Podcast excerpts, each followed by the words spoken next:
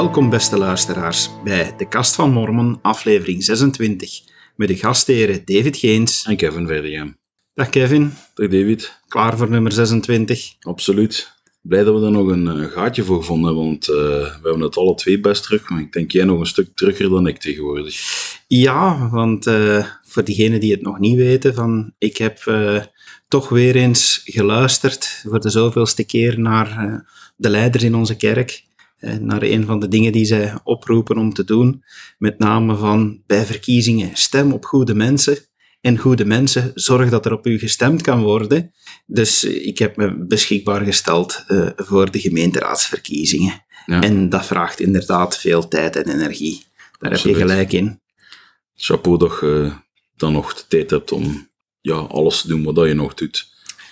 Het is een kwestie van time management en ja, dit is ook weer van voorbijgaande aard. Hè. Van één keer de verkiezingen voorbij, dan eh, zal het ervan afhangen of ik inderdaad kan gaan zetelen.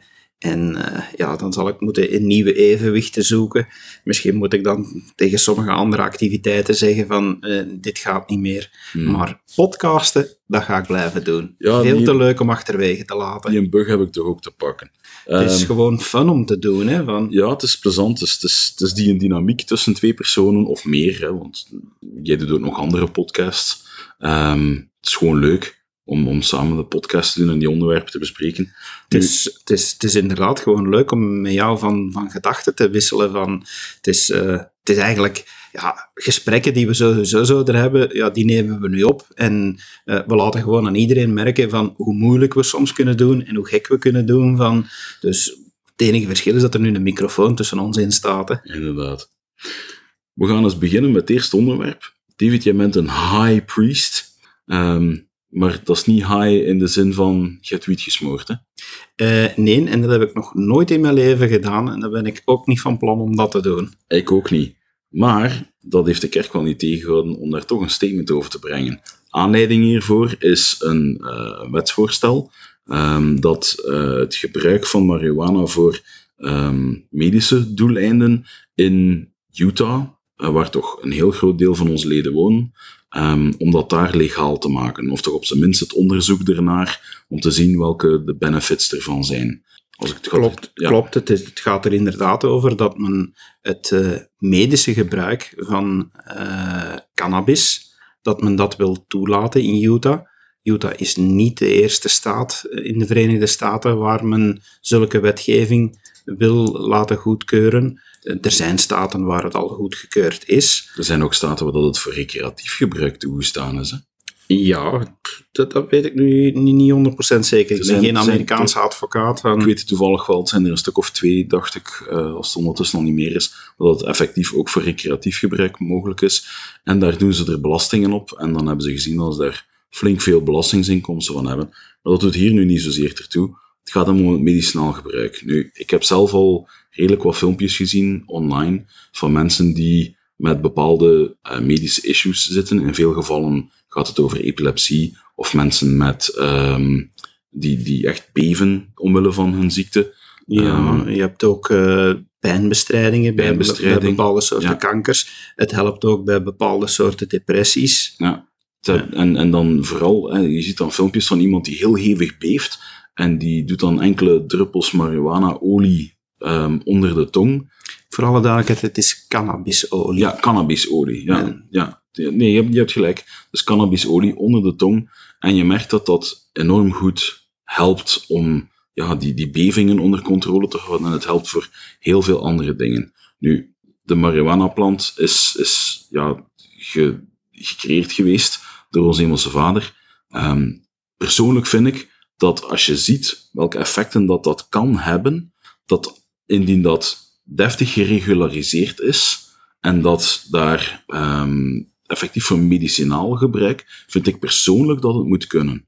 Maar in die zin is, voor zover ik het beschouw, is er geen verschil met andere medicatie van die, die gelijkaardige effecten heeft. Eh, je, hebt, je hebt heel wat medicatie die, hoewel ze misschien nu zelfs synthetisch wordt gemaakt, maar die ooit gebaseerd zijn op eh, stoffen die uit planten gewonnen werden. En er zijn nog genoeg andere medicijnen die Mhm. dat in bepaald gebruik eh, pijnstillend zijn, Maar als je er te veel van neemt, ja, dan ook recreatief kunnen genomen worden, omdat je er gaat van hallucineren of, Ja. of wat dan ook. Eh, alle opiaten, ja, noem het opium en het klinkt negatief en je denkt dan aan negatieve effecten, noem het morfine. En ja, iedereen denkt aan de positieve effecten in het, in het medisch gebruik Ja. ervan. Dus op dat punt vind ik dat er inderdaad geen onderscheid is. Maar natuurlijk omdat marihuana ook gerookt wordt, ook recreatief gebruikt wordt, en het al een hele tijd geleden ehm, verbannen geweest is in heel veel, eh, door heel veel overheden, ehm, zit er wel een negatieve boodschap mee achter. Wel, ik denk dat men inderdaad gewoon het onderscheid moet maken tussen ja, wanneer is het medisch en wanneer is het niet medisch gebruik. Eh, wanneer is het eh, goedgekeurd en begeleid door een arts en wanneer is het niet zo. En als ik nu ook kijk naar wat er nu momenteel in Utah gebeurt, is het feit dat onze kerk oppositie voert tegen het wetsvoorstel dat daar nu in een volksraadpleging wordt voorgelegd. Ja, En de reden waarom dat ze er tegen zijn, is omdat ze de wetgeving te liberaal vinden, in de zin van dat men zegt van oké, het kan voor medisch gebruik, maar dat het heel moeilijk gaat worden om de grens te trekken tussen het medisch gebruik en het niet-medisch gebruik. Want men wil het onder andere laten verdelen door ja, dispensaries, eh, ja het is... in dat is- plaats van door apotheken. ja. Eh, men wil ook toelaten dat je tot zoveel planten zelf mag kweken. Ja, sorry, dat vind ik dan inderdaad ook te vergaand. Want als we inderdaad Dat zeggen de van... Het gewoon is, open voor het recreatieve. maar ja, het is ook heel simpel in het medische. Ik ga ook niet mijn eigen pillen gaan mixen. Hè. Nee, dat Er is zijn, heel veel, er zijn ja. heel veel medicijnen die enkel maar op voorschrift beschikbaar zijn in een gecontroleerd systeem van arts schrijft voor, apotheker volgt op. Ja, dan moet dit dezelfde weg volgen. Dat vind ik er ook van. Is, eh, ik, ik, sowieso vind ik alles wat de geest in die mate kan bedwelmen dat je niet meer bewust bent of, of niet meer volledig in controle bent over jezelf, vind ik, ja, dat, dat, dat heeft geen plaats om, om recreatief gebruikt te worden. En daar volgt het woord van wijsheid eigenlijk heel goed in. Hè? We drinken geen, geen alcohol, want iedereen weet dat je van alcohol drinken, ja, je, langzaam maar zeker hoe meer dat je ervan drinkt, hoe meer capaciteiten dat je verliest. Ehm, met marihuana, ja, het is heel duidelijk. Rijden onder invloed van marihuana bijvoorbeeld is ook levensgevaarlijk. Hè? Ehm, dus rijden onder invloed van bepaalde ja. medicijnen blijft gevaarlijk. Maar ik ga nu een keer eens inderdaad de redenering een stukje omdraaien. Ja, als we dan bijvoorbeeld gaan zeggen van oké, ja, alcohol drinken is, is inderdaad niet goed, maar stel nu dat een dokter zou zeggen van kijk, wat dat jij daar hebt, ik zeg u, drink elke dag een glas wijn en je gaat eh, veel minder last hebben van die ziekte. Mag dan alcohol drinken om medische redenen wel? dat Nu wordt het moeilijk, hè? Het, het wordt inderdaad moeilijk. Ehm, ik, heb daar, allee, ik heb daar geen persoonlijke ervaring mee, maar een collega van mij die eh, op zending, die, eh, die zijn stiefvader had ook het bevel, eh, het bevel, de aanbeveling gekregen van de dokter voor zijn cholesterol, of weet ik veel wat dat het was, om elke dag een glas wijn te drinken. Nu, die man was zelf geen lid van de kerk, maar zijn moeder wel.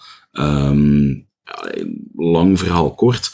Een eh, vriendin van hem die biologie studeerde, of, of, of iets medisch naar biologie toe, die zei van eigenlijk zegt ze, al die goede effecten komen eigenlijk van de druif. En ja, druiven zijn het hoofdbestanddeel van wijn, zegt ze, maar het is niet een alcohol die hem dat fixt. Dus vanuit dat perspectief, en ja, om, om een lang verhaal kort te maken, die man heeft dan ehm, druiven gegeten, druivensap gedronken, ehm, en is na x aantal tijd op controle gegaan bij zijn arts. En wat bleek, eh, de dokter zei van, ja, heb jij gedaan wat ik jou gevraagd heb? Ehm, nou, eigenlijk niet, zegt hij. Ik heb geen wijn gedronken, ik heb druivensap gedronken, ik heb druiven gegeten. Eh, zegt hij wel, uw resultaten zijn spectaculair verbeterd. Ehm, dus zo zie je daar ook dat de wetenschap daar toch ook wel weer onderbouwde dat het geen wijn met alcohol hoeft te zijn. Want ik kan, voor zover ik weet, heb ik nog nooit gehoord van iets anders waarin dan ze zouden zeggen van ja, eh, ehm, drinkt iedere dag een goede duvel bijvoorbeeld. Maar ik, ik- ja, het, het, het is natuurlijk de vraag van wat is medisch onderbouwd en wat niet. En dan zie je toch dat, en dan vind ik het heel positief om, om te merken dat de kerk nu heel duidelijk zegt van oké, wij strijden tegen deze wetgeving omdat we er heel wat fouten aan zien. En die fouten zitten erin van dat je niet meer gaat kunnen controleren of het recreatief gebruik is of medisch gebruik. Maar ze zeggen wel heel duidelijk dat ze er geen enkel probleem mee hebben dat wordt gekeken naar de medische effecten van cannabis, olie en andere extracten. Maar ik ga dan nog eens... één ding vind ik dan... Wat zou de reactie van de kerk zijn als er een arts zegt van... Oké, ik schrijf u... ehm, en het is reëel, want er zijn medische studies die, die aantonen dat, dat cannabis of de effecten ervan eh, ook zeer gunstig zijn bij eh, patiënten met eh, de ziekte van Crohn Ja. dat het een zeer gunstig effect heeft op hun darmen. En eh, er zijn medische studies die zeggen van, ja, maar juist omdat je de ziekte van Crohn hebt en dus eh, moeilijkheden hebt om, om dingen op te nemen, is het eh, niet verstandig om die olie in te nemen, ook niet in pilvorm, maar zou het eigenlijk het beste zijn om het te roken, want zo gaat het het snelste naar je bloedbaan. Ja, Dat is geen makkelijke, hè. Dat is geen makkelijke. Ehm, sowieso, roken is zeer ongezond. Natuurlijk, ja, als je kijkt, chemo is eigenlijk ook heel ongezond voor de mensen. Maar het is wel hetgeen dat ehm, ja, iemand door een kanker kan heen helpen. Vanuit dat oogmerk moet je zeggen van ja, op welk punt ga je de persoon helpen, verslechten, vandaar het belangrijke onderscheid blijft van is het onder begeleiding van een arts, maar Inderdaad. Ja, dan, dan, dan zeg ik van dan is het andere punt van ja, dan, maar dan moet je ook gaan aanvaarden dat een arts zegt van oké, jij moet elke dag een tas koffie drinken, want die bestanddelen gaan net daarvoor helpen. Eh, ja, dan moet je, ik vind dat je de lijn iets verder moet leggen en dat je moet zeggen voor wat bewezen is. Dat er Ja. voldoende medisch onderbouw is en dat het niet gewoonweg afhangt van één arts die, die zich de vrijheid neemt om Ja. zelf te bepalen van wat dat eh, goed is en wat dat niet goed is. Ehm, we hebben een leuk nieuwtje. Ehm, Google, iedereen al onbekend, ehm, heeft al heel lang Google Maps. En nu hebben zij een nieuwe feature uitgebracht. En zij hebben eh, ja, tempels van de kerk van Jezus Christus van de Heilige in de laatste dagen ehm, extra op de kaart gezet. In die zin zelfs dat je nu ehm, echt kan gaan kijken van waar liggen de tempels allemaal en het is, het, is, het is leuk, ga het zeker eens opzoeken. We kunnen een link ervan in de, in de notes zetten, eh, of, of op onze Facebookpagina. Ehm sowieso een leuke feature. Het is leuk, van, ik denk dat er al wel heel veel op stonden. Ook de kerkgebouwen kan je vrij goed terugvinden op, eh, op Google Maps. Het is, het is nu dat ze gewoon echt de moeite hebben gedaan om ze er allemaal op te zetten. En dat je dus ook eh, GPS-instructies kan, kan krijgen in de Google eh, Map app. Ja, omdat je zegt van ja, breng me naar de tempel en dan zal Google je de richting aangeven. Maar ik denk dat we er toch bij moeten zeggen van de juiste richting zal eerder worden aangegeven door Jezus Christus dan door Google Maps. goed. Ehm, ander nieuws. We hebben ehm, hier in, in, in België een beetje een rel gehad.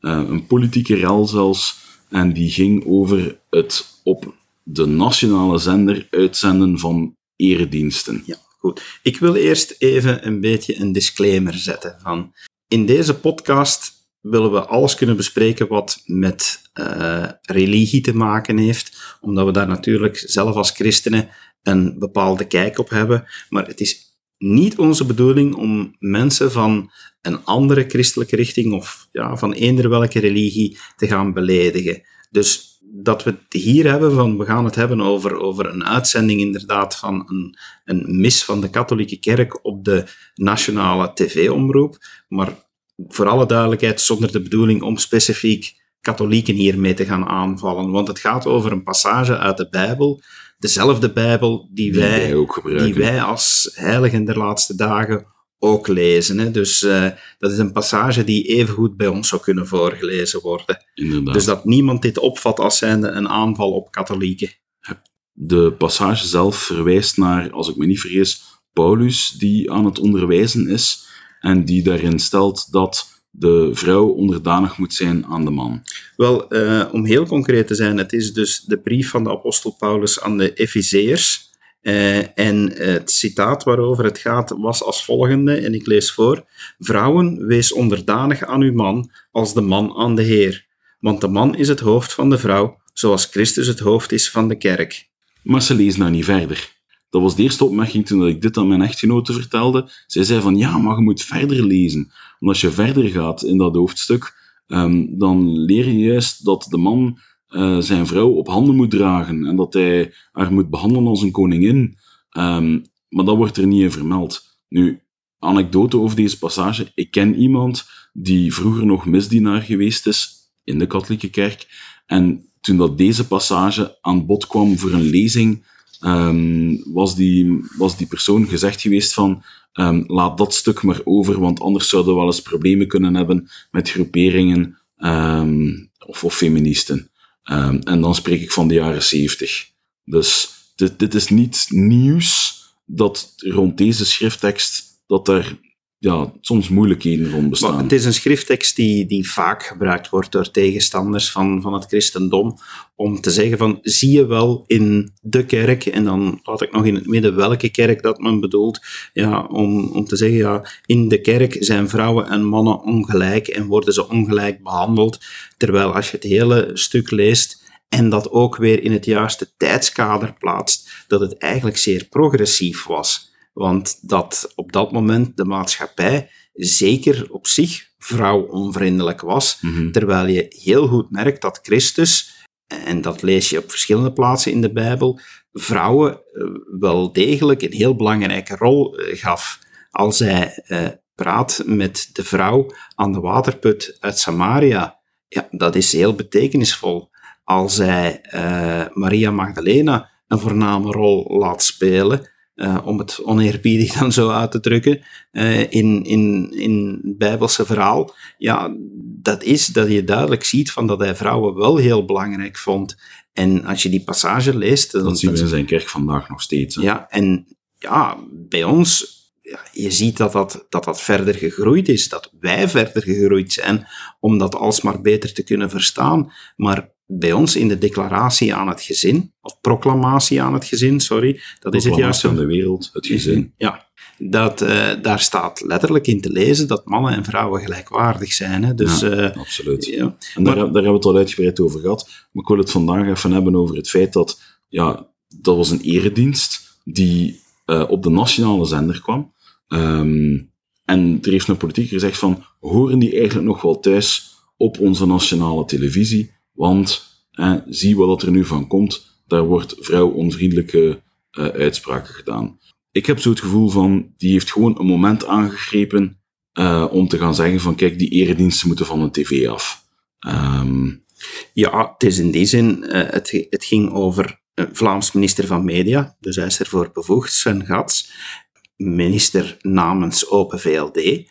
En we weten dat die partij de laatste tijd al wel eens vaker van leer trekt tegen alles wat met religie te maken ja. heeft. Van, zij zijn de, diegenen die de laatste tijd zeggen dat religie moet stoppen aan de voordeur en dat het een volledige privé-aangelegenheid moet zijn. Nu, ik wil niet aan politiek gaan doen hier, uh, maar ja, het is toch wel weer spijtig. We hebben het onderwerp al zo dikwijls aangeraakt in onze podcast. Het heeft weer allemaal te maken met die godsdienstvrijheid. Ja. En dit, is, dit wordt nu weer aangegrepen om daar rechtstreeks een aanval op uit te oefenen. Hè?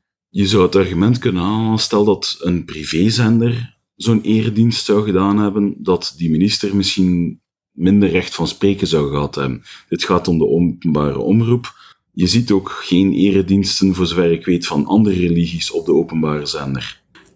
Ja, maar ik denk nee, wel andere dat ze... denominaties, ik ga het zo zeggen. Want Ja. ik, als ik me niet vergis, komen er ook wel protestantse diensten op televisie. Zeker in Nederland eh, komen, worden die eh, per televisie Ja, uitgezonden. dat is daar dan weer maar normaal, een want daar heb je... of, of een islamitische eredienst...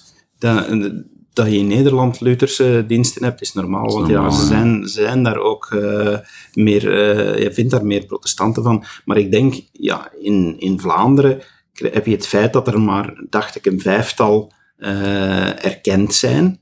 En dat men zich duidelijk zal stellen van, oké, alleen de erkenden kunnen het recht hebben op een uitzending op tv. Nu, dat terzijde, of, of dat in beschouwing genomen, ik kan me niet herinneren dat ik ooit tijdens het zappen op de nationale zender een eredienst van eh, de moslims of van de joden gezien heb. Maar misschien vragen ze het ook niet. Hè? Misschien zijn Dat ze er kan. geen vragende partij Dat voor. kan. Hè? Ik kan me niet inbeelden dat er wetgeving is die zegt dat alleen de katholieke kerk recht heeft op die uitzendingen. Dat snap ik. Ik weet dat bijvoorbeeld op Radio 1, het ook nationale ehm, radiostation, ook van de overheid, van de VRT, ehm, Vlaamse Radio en Televisie. Daar zijn ook regelmatig dat ik op weg ben naar huis, meestal iets later op de avond dan, en dat ik dan ineens een, een programma te horen krijg. Dat kan cultureel zijn, er zitten ook regelmatig religieuze ehm, dingen bij, waarin dat, ja, er zendtijd aan het publiek gegeven wordt om ja, ook, ook hun standpunten naar voren te brengen. Dus persoonlijk vind ik dat het zeker zijn plaats heeft. Ehm, ik kan u niet gaan zeggen van, moesten ze een prime spot gaan eisen op tv, ehm, dan zouden er misschien meer mensen moeilijk over doen, maar voor zover ik weet wordt dat op een moment uitgezonden waarop dat de meeste mensen of nog in een bed liggen, of al op weg zijn om iets te gaan doen. of dus- naar de mis zijn. Of naar de mis zijn, ja, inderdaad. Dus, maar ik, ik denk dat het zeker een meerwaarde heeft voor de mensen die, die, die thuis gekluisterd zitten, die niet buiten kunnen. Ja, maar ik denk in die zin, het wordt moeilijk tegenwoordig omdat die erediensten nog van het weinige is dat qua religie de omroep haalt. En dat het daarmee zo moeilijk is dat mensen dat nog kunnen kaderen. Ik denk dat men het zou moeten oplossen niet door die erediensten ook af te schaffen, want ja, dan heb je niet echt, vind ik, een neutrale overheid, want dan eh, gaat men voor de atheïstische visie, en dat is niet neutraal. Ehm, Nee. Maar ik denk dat men net meer duiding zou moeten geven. Dat men meer religie aan bod zou moeten laten komen in bepaalde programma's, zodat mensen er terug iets meer mee vertrouwd zouden raken en weten wat er leeft. Want ik blijf erbij dat het heel vaak gaat over onbekend is onbemind. En dat er dus nood is aan een openbare omroep die dat echt pluralistisch is en dus energie steekt in het aan bod brengen van heel wat verschillende zienswijzen op het leven. Ja. Zowel qua filosofische strekkingen als qua neutrale, neutrale strekkingen, atheïstische strekkingen, maar dus ook religieuze strekkingen. En ja, men, men weert alles wat dat tegenwoordig eh, naar dat religieuze is, maar ja, dan is men niet meer vrij en neutraal. Ja, snap ik. Ik weet dat op de tweede nationale zender, eh, die eh, Vlaamse zender, die heet Canvas, daar zie je alles een, een documentaire die gewoon, ja, eh, panorama, volledig overgenomen is van een BBC-documentaire. En dat gaat dan over een religie of een aspect van religie.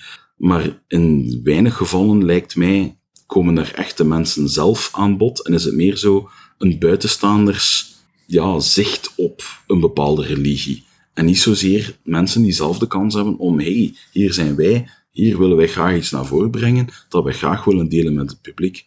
Ik denk, Kevin, dat er maar één oplossing mogelijk is. Beste luisteraars, bij deze doen we een oproep om een enquête te beginnen om te eisen dat deze podcast verhuist naar een wekelijkse uitzending op de nationale radio, zowel in Nederland als in Vlaanderen. En dan is het probleem meteen opgelost. Voilà, fantastisch. Goed, dan eh, heb ik hier iets, Kevin. Daar moet, eh, daar moet jij je zegjes over geven. Van, eh, jij kent wel iets van Marvel, hè? Ja, ik ben meer een DC-mens, maar Marvel is mij ook wel genegen. Ja. Leg eens even uit, want ik, ik ben al zelf het noorden kwijt. We hebben het hier over comics die hun basis vinden in Amerika. En daar heb je twee heel grote spelers in. Je hebt aan de ene kant DC, dat staat voor Detective Comics. En aan de andere kant heb je Marvel. Daar heb je allemaal verschillende superhelden in, die dan in stripverhaal, maar zij noemen het comics, ehm, naar voren komen en verschillende verhaallijnen doen. Oké, testje. Ik noem een superheld en jij zegt bij welke van de twee ze zitten. Spider-Man, Marvel, Superman, DC, Batman, DC, de Hulk, Marvel, Captain America, Marvel, eh, Iron Man. Marvel. Oké, dus we gaan nooit Superman zien vechten tegen Iron Man. eh, als ik daarin moet ingaan, er zijn al crossovers geweest in het verleden. Dus die hebben toch al samengewerkt. Die hebben toch al samengewerkt. Of Dus is- tegen elkaar, of Dan is het een DC Marvel. ja, zoiets. Goed, maar oké. Het ding dat ik hier voor jou heb is: wist jij dat Spider-Man een hekel heeft aan Heiligen der Laatste Dagen? Eh, nee, dat wist ik niet. Ik, ik maak het nu een beetje gek, hè, maar eh, blijkbaar is er, eh, is er een Spider-Man aflevering recent geweest in, een, in, in de tekenfilmreeks, waar Spider-Man op een of andere manier... het was in een comic, het was in een strip. was dit een strip? was van- in een strip. Ah, ik dacht dat het... Oké. Nee, nee het, was, het was in een strip.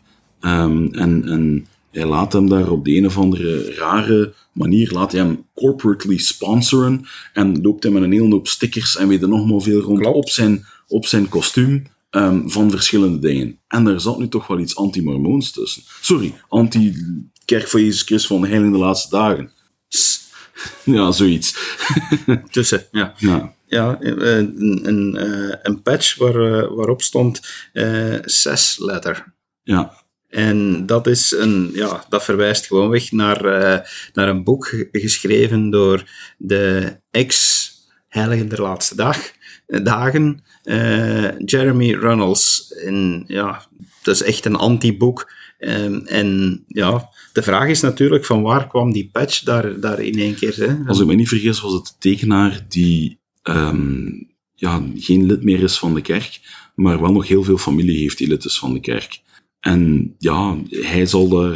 Hij zegt zelf van er geen bijbedoelingen bij gehad hebben, maar Marvel, heeft het wel heel duidelijk gesteld van kijk, wij, zijn, ehm, staan niet toe dat er eh, extreem gedachtegoed eh, of heel anti-zaken ehm, in onze comics verschijnt. Dus ehm, dat betekent dat deze strip in zijn eerste druk meer geld gaat waard zijn.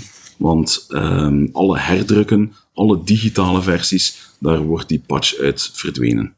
Uit weggehaald. Dus Spidey is toch wel cool. Ja, absoluut. Go Spidey, go!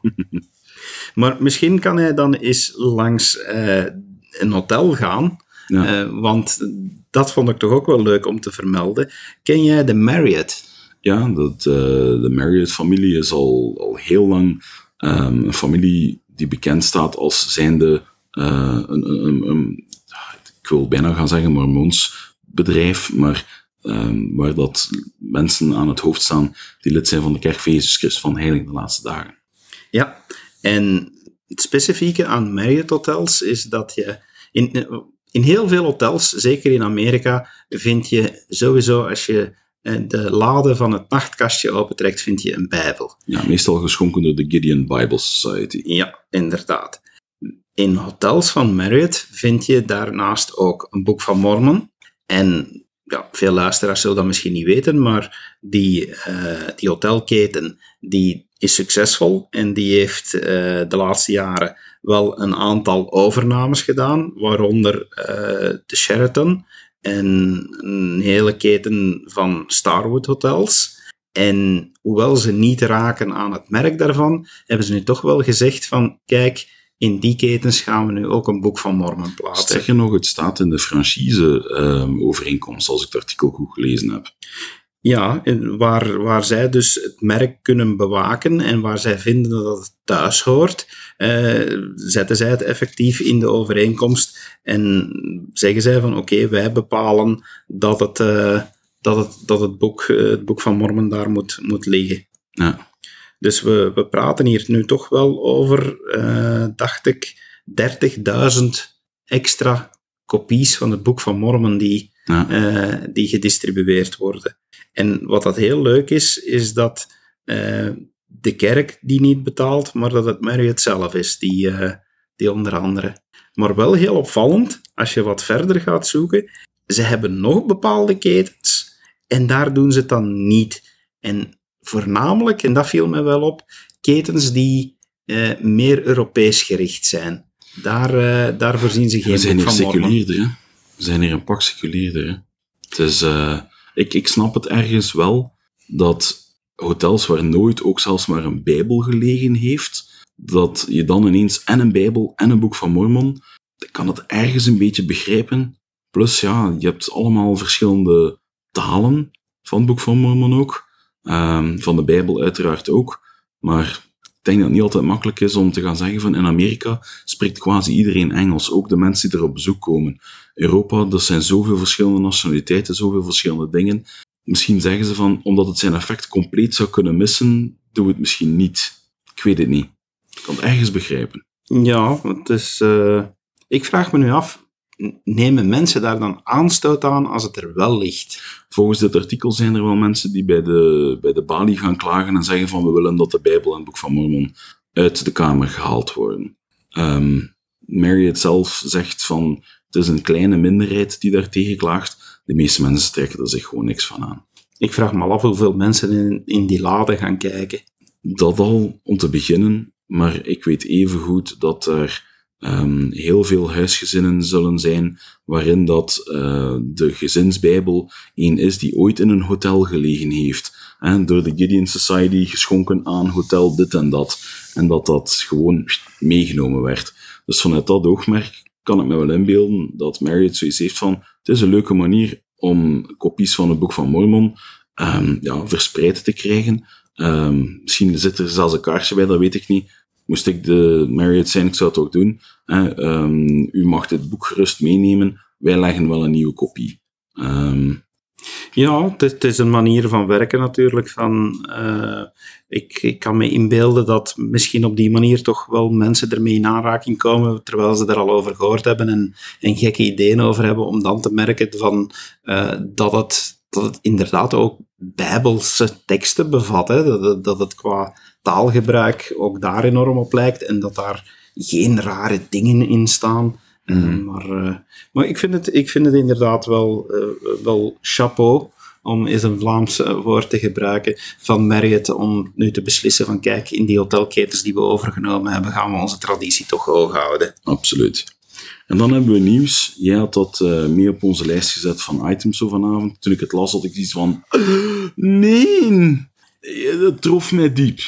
Het trof mij diep. En ik zeg van, way to go. Het gaat hem over de zendingsoproep. Misschien dat jij, want ik ben geen zendeling geweest, dat jij kan uitleggen wat de zendingsoproep De zendingsoproep, dus je stuurt je papieren in, die gaan naar het hoofdkwartier en daar wordt tegenwoordig ook digitaal, eh, on- allee, met digitale middelen, wordt er eh, met behulp van een, een van de apostelen, wordt er gekeken voor elk profiel dat toegestuurd wordt, elke toekomstige zendeling, wordt er gekeken onder inspiratie naar waar moet deze persoon op zending gaan.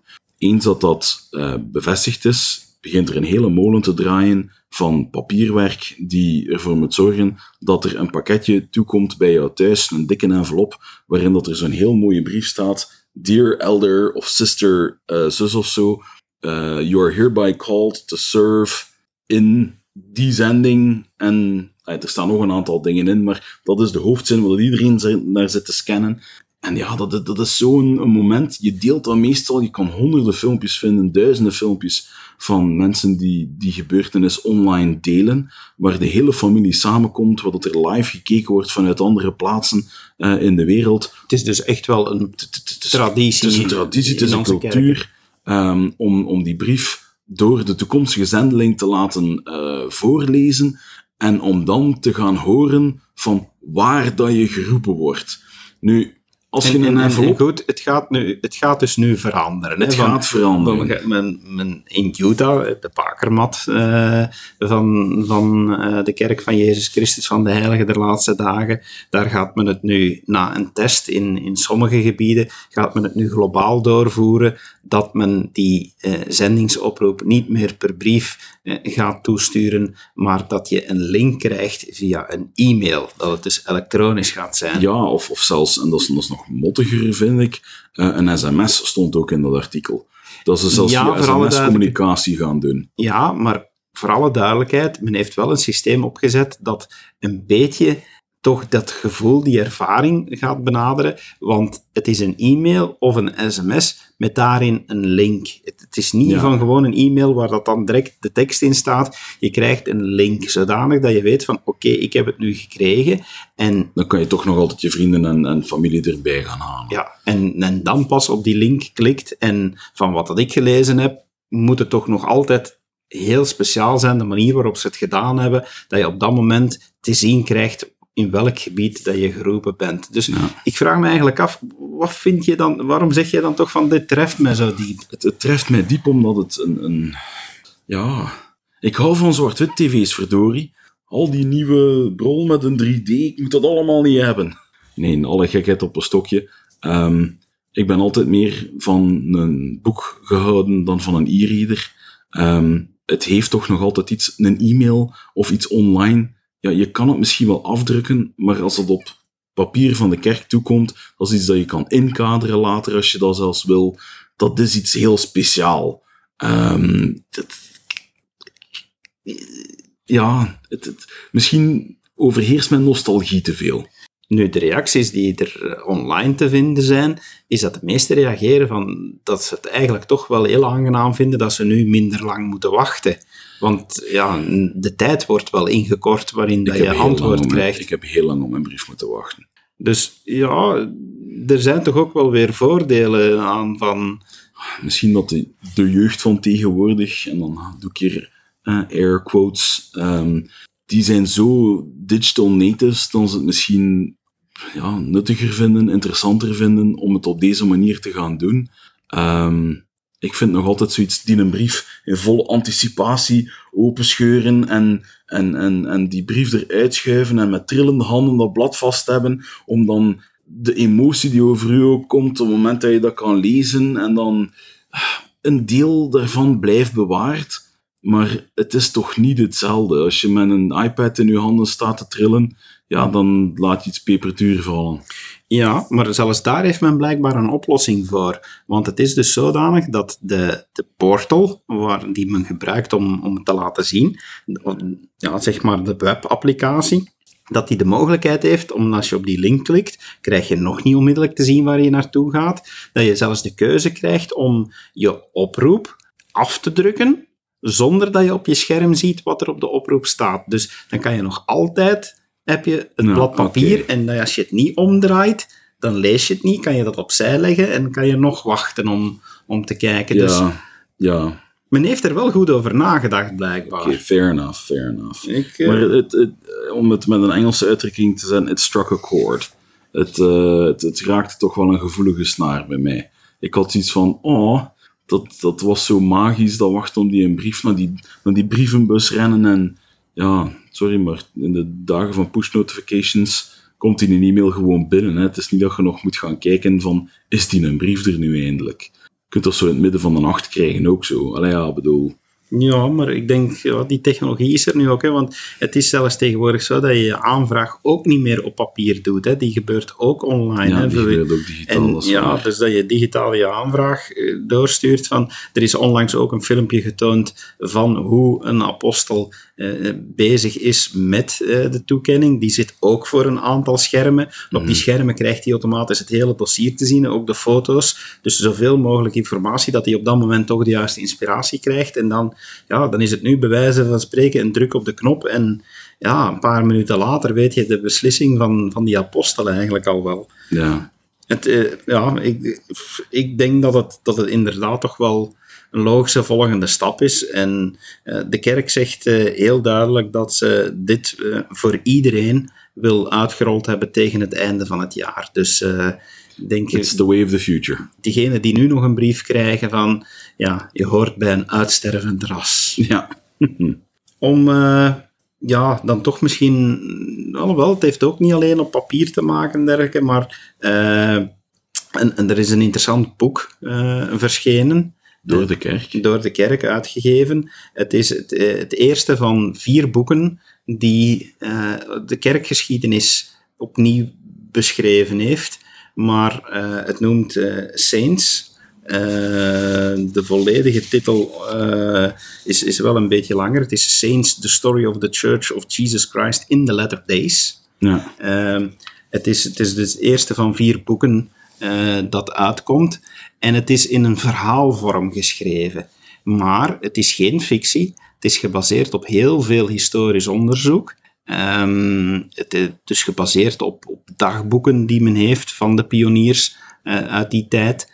En ja, daarmee heeft men een verhaal vorm geschreven dat veel meer het effect geeft alsof dat je er zelf bij bent. Ja. En ik denk dat men daar een beetje inspiratie heeft gehaald bij uh, Gerald Lund, die, die ook al zo'n paar uh, reeksen heeft geschreven. Boeken. The Work and the Glory. The Work and the Glory bijvoorbeeld, die echt ook op een manier geschreven zijn dat je het beleeft. In, in die verhalen is het dan wel voor een stuk fictie, want het is een fictieve familie, maar alle dingen die ze beleven, de feiten die er worden in verteld, die zijn, zijn historisch wel correct. Ja. Maar hier in Saints zijn het dus wel echte verhalen die er gebruikt worden, maar, maar die toch ook in een verhaallijn gegoten zijn. En het boek is van, uh, ik dacht, uh, deze week, dus ja, al een paar dagen, is het gratis te lezen in de uh, app van de kerk. Ja. Dus je moet het boek niet kopen. Het is, het is voor iedereen eigenlijk, want iedereen kan die app installeren. Is het dus gratis te lezen. Fijn. De eerste zeven hoofdstukken verschijnen ook in, in ons tijdschrift, de Liahona, of die Ensign uh, voor de Engelstaligen. Maar um, ja, je moet dus niet langer wachten. Het is, uh, het is beschikbaar. En ja, de, ik heb er stukjes in gelezen en de eerste commentaren die je, die je ook leest, die zijn, die zijn wel heel positief. Oh, heel tof.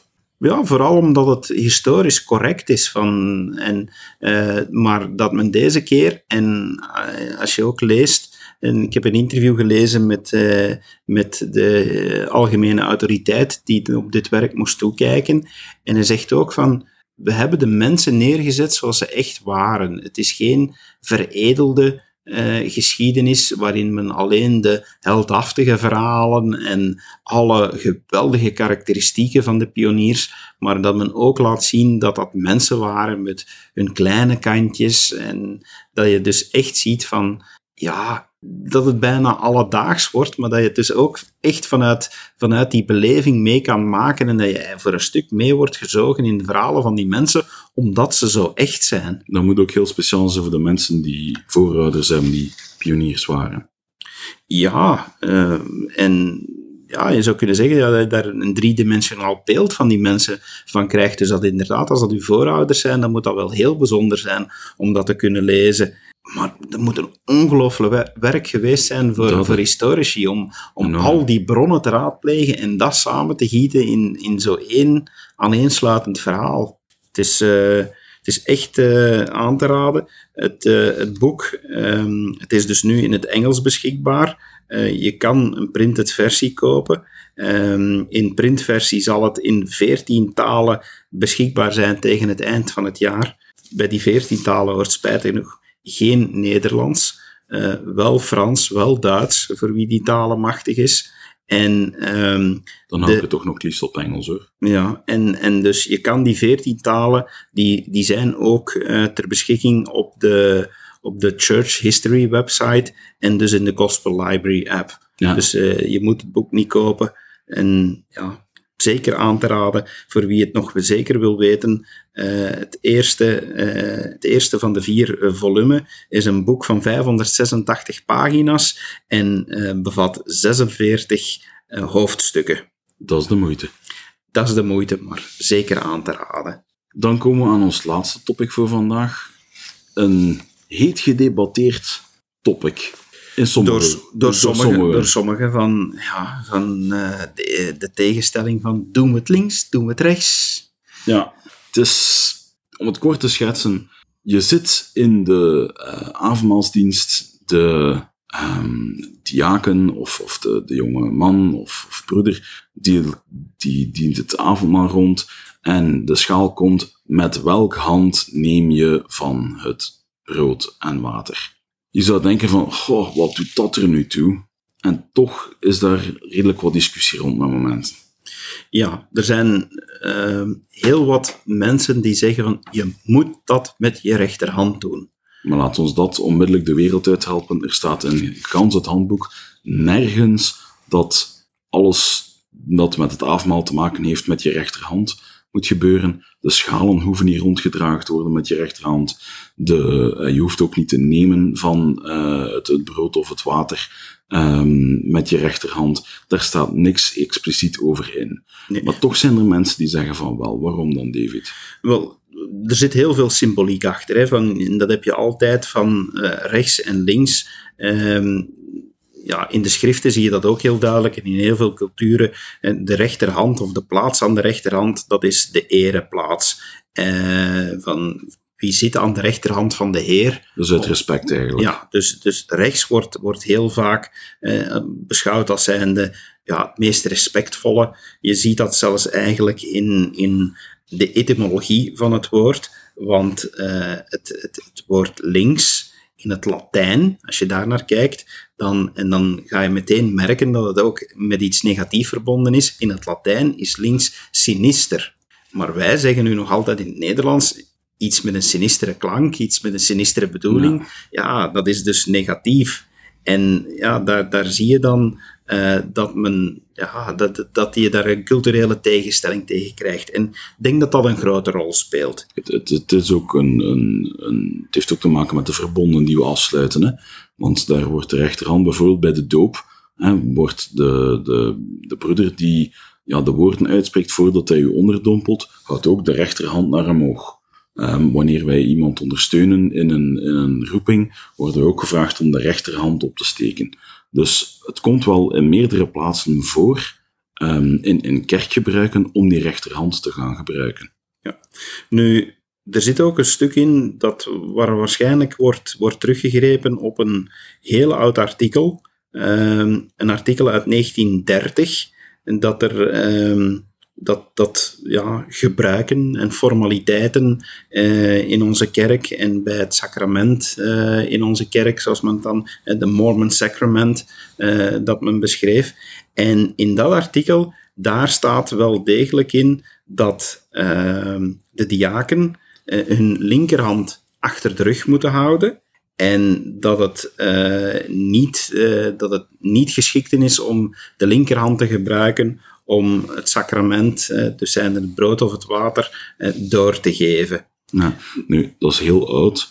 Het is niet meer opnieuw opgenomen, want de, de, de kerkregels ja, veranderen is een groot woord. Het is niet dat die in één klap 130 graden omdraaien, maar ze zijn veranderlijk. Hè? Wel, het waren zelfs geen regels, want het is een artikel dat verschenen is. Ja. Uh, dat, dat was zelfs niet vanuit vanuit de leiding van onze kerk. Dat was gewoon een artikel over hoe sommige mensen het zagen. Want uh, dat heeft er wel toe geleid dat zelfs al heel snel, nou, snel relatief, maar in 1946 was het blijkbaar al zodanig een discussie dat de toenmalige president van onze kerk, Joseph Fielding Smith, dat hij heel duidelijk heeft gezegd van jongens, dit klopt niet. Ja. ja diakenen moeten niet hun linkerhand achter hun, hun uh, rug houden. En dan heeft hij gezegd van oké, het is een mooie praktijk in onze kerk om van het avondmaal te nemen met de rechterhand uh, en om ja, uh, zegens ook met de rechterhand te geven.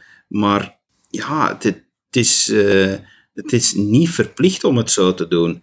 En ik heb dan ook ge, uh, gevonden dat in 1983 dat er effectief dan een artikel stond in de Ensign, dus het officiële tijdschrift van onze kerk, en dat uh, men daar, dat president, uh, nu onze huidige president Nelson, dat hij daarin zei van, ja, dat... Toen, toen nog apostel. Toen nog apostel, maar nu inderdaad onze president, dat hij zei van, ja, het is logisch dat je van het avondmaal neemt met uh, dezelfde hand die je gebruikt inderdaad in het maken van andere heilige verbonden. En dat is nu... Dat, tenslotte, als je van het avondmaal neemt, je hernieuwt je doopverbond, hè? Ja, maar dat hij zelfs zegt van, oké, zelfs dat, die, die uh, verbonden, die dat gebeuren door het opsteken van de rechterhand, ja, zelfs dat is pure symboliek, want uh, hij zegt daar ook heel duidelijk, iemand die dat uh, bijvoorbeeld door een ongeluk zijn rechterhand kwijt is, ja, die is het perfect toegestaan om zijn linkerhand op te steken om zulk verbond, of als die iemand zou dopen, om dat te doen. Dus uh, er is ook geen enkele reden van, ja, uh, waarom dat je niet met de linkerhand van het avondmaal zou kunnen nemen. En hij zegt daar heel duidelijk dat het uh, veel belangrijker is om bij het avondmaal stil te staan in welke geestelijke toestand dat je van het avondmaal neemt, dan met welke hand dat het gebeurt. Met andere woorden, en vindt het veel erger dat je van het avondmaal zou nemen, terwijl dat je ja, geestelijk er niet helemaal klaar voor bent of je er niet goed op voorbereid hebt, dan dat je het zou doen met de linkerhand. En ja, ik, ik denk ook eerlijk gezegd van, het is een mooie symboliek. Tuurlijk. En ik zeg niet van dat we daarom weer helemaal dwars moeten liggen en die symboliek moeten afschaffen, maar ja, wederom, ik moet maar kijken naar mijn eigen zoon, mijn oudste zoon, die is linkshandig. En bij hem is dat voor een stuk ook zo dwangmatig. Moest ik daar tegen zeggen van, nee, stop daarmee, je moet dat met je rechterhand. Dat zou zoveel stress opleveren en misschien zelfs leiden tot een verstoring van de rust en de eerbied die het bij het avondmaal is. Ja, dat dat inderdaad oneindig veel erger is dan dat, dat hij dat met de linkerhand neemt. Dus Om, om maar te zwijgen van zijn eigen beleving van het ding. Want allee, voor iedereen zou het nemen van het avondmaal een, een terugdenken moeten zijn aan, aan de beloften die je gedaan hebt op het moment dat je... ehm, dus dus om, dat, om op dat moment erop geweest te worden, van tik bijna, bij wijze van spreken, van nee, je mag dat niet met de hand doen. Ik heb het spijtig genoeg al gezien. Dat iemand een bezoeker op de vinger stikt, figuurlijk dan, om te zeggen van nee, je mag dat niet met je linkerhand nemen. dat is ook met de beste bedoelingen Tuurlijk is dat met de beste bedoelingen, en- maar, maar ik, ik vond het een beetje pijnlijk voor die bezoeker op dat moment. Omdat ik zoiets had van, dat, dat, dat, is- dat is niet de essentie hiervan. En het, het, het breekt een beetje af aan de geest. Het komt altijd neer op wat dat ik zeg, van dat, dat mensen in onze kerk heel goed moeten opletten met het onderscheid te maken tussen folklore, wat dat ik Mhm. het samenspel van culturele gebruiken eh, noem, en echte doctrine. Ja. En dat, dat je moet opletten dat je niet iets uit folklore, dat misschien heel hard ingebed is en door iedereen wordt gevolgd en een mooie en een mooi gebruik is en misschien zelfs een goede reden heeft om het zo te doen, maar ga het nooit als doctrine verkopen. Want ja, dan, dan kan het wel eens mislopen. En ik denk dat dat ook de reden is waarom in 1983 dat artikel verschenen is. Het artikel trouwens, voor wie het wil opzoeken, eh, het was in het Engels, maar de volledige titel eh, was eh, Is it necessary to take the sacrament with one's right hand? Does it really make any difference which hand is used? Ja. Het feit dat een apostel nodig vond om daar een artikel over te publiceren, wil toch wel zeggen dat er heel wat mensen er een spel van maakten terwijl het niet nodig is. ja, ik weet ook van een broeder die zei van ja, ehm, dat er nog een, een, apostel was die zei van ja, leer het aan uw kinderen, leer het aan eh, in, in, in, uw, eh, in uw diensten en in, uw klassen, leer het thuis op gezinsavonden om met de rechterhand te nemen. Dat ik zoiets van ja, maar die kan op dat moment wel sterk voelen om dat te doen, maar tenzij dat iets echt geratificeerd wordt door het volledig quorum van twaalf apostelen en het eerste presidium, is het geen kerkdoctrine. Nee, en ik moet eerlijk zeggen, ik heb er geen sporen van gevonden dat het ooit, eh, zelfs door een apostel of door een algemene autoriteit, eh, zo sterk benadrukt zou zijn. Ik zeg het in tegendeel, van in 1946 zie je al heel duidelijk dat, de dat de profeet zegt van nee, dat, dat- Ja. dat- het is een mooi gebruik, maar het hoeft niet. Ja, en uiteindelijk is het de profeet die alleen het recht heeft om voor de hele kerk te spreken. In algemene conferenties spreken ze ons allemaal toe, de apostelen, maar om echt beslissingen te gaan maken, om de eindverantwoordelijkheid, ligt uiteraard bij Christus en onmiddellijk daarna de president van de kerk. Inderdaad. Dus ik hoop dat we, eh, voor wie daaraan twijfelden of die misschien spijtig genoeg betrokken is geraakt in zulke discussies, dat we daar toch wat eh, enige opheldering mee hebben kunnen geven over wat de echte richtlijnen zijn in onze kerk. Absoluut. Ik denk dat we hier kunnen stilaan afronden. Ja, ik denk dat we een goed gevulde podcast hebben. Ik denk dat we weer heel veel hebben kunnen meegeven aan iedereen. Eh, we blijven natuurlijk uitkijken naar jullie commentaren. Als jullie genoten hebben van deze uitzending, je weet, het grootste plezier dat je ons kan doen, is deze aflevering delen met anderen. De vorige aflevering, waar we het hadden over sexting, eh, daar is dat blijkbaar heel succesvol gebeurd, want dat is in één klap onze best beluisterde uitzending ooit geworden. Amai. Dus eh, hadden we blijkbaar toch wel een onderwerp wat eh, heel veel mensen beroerde.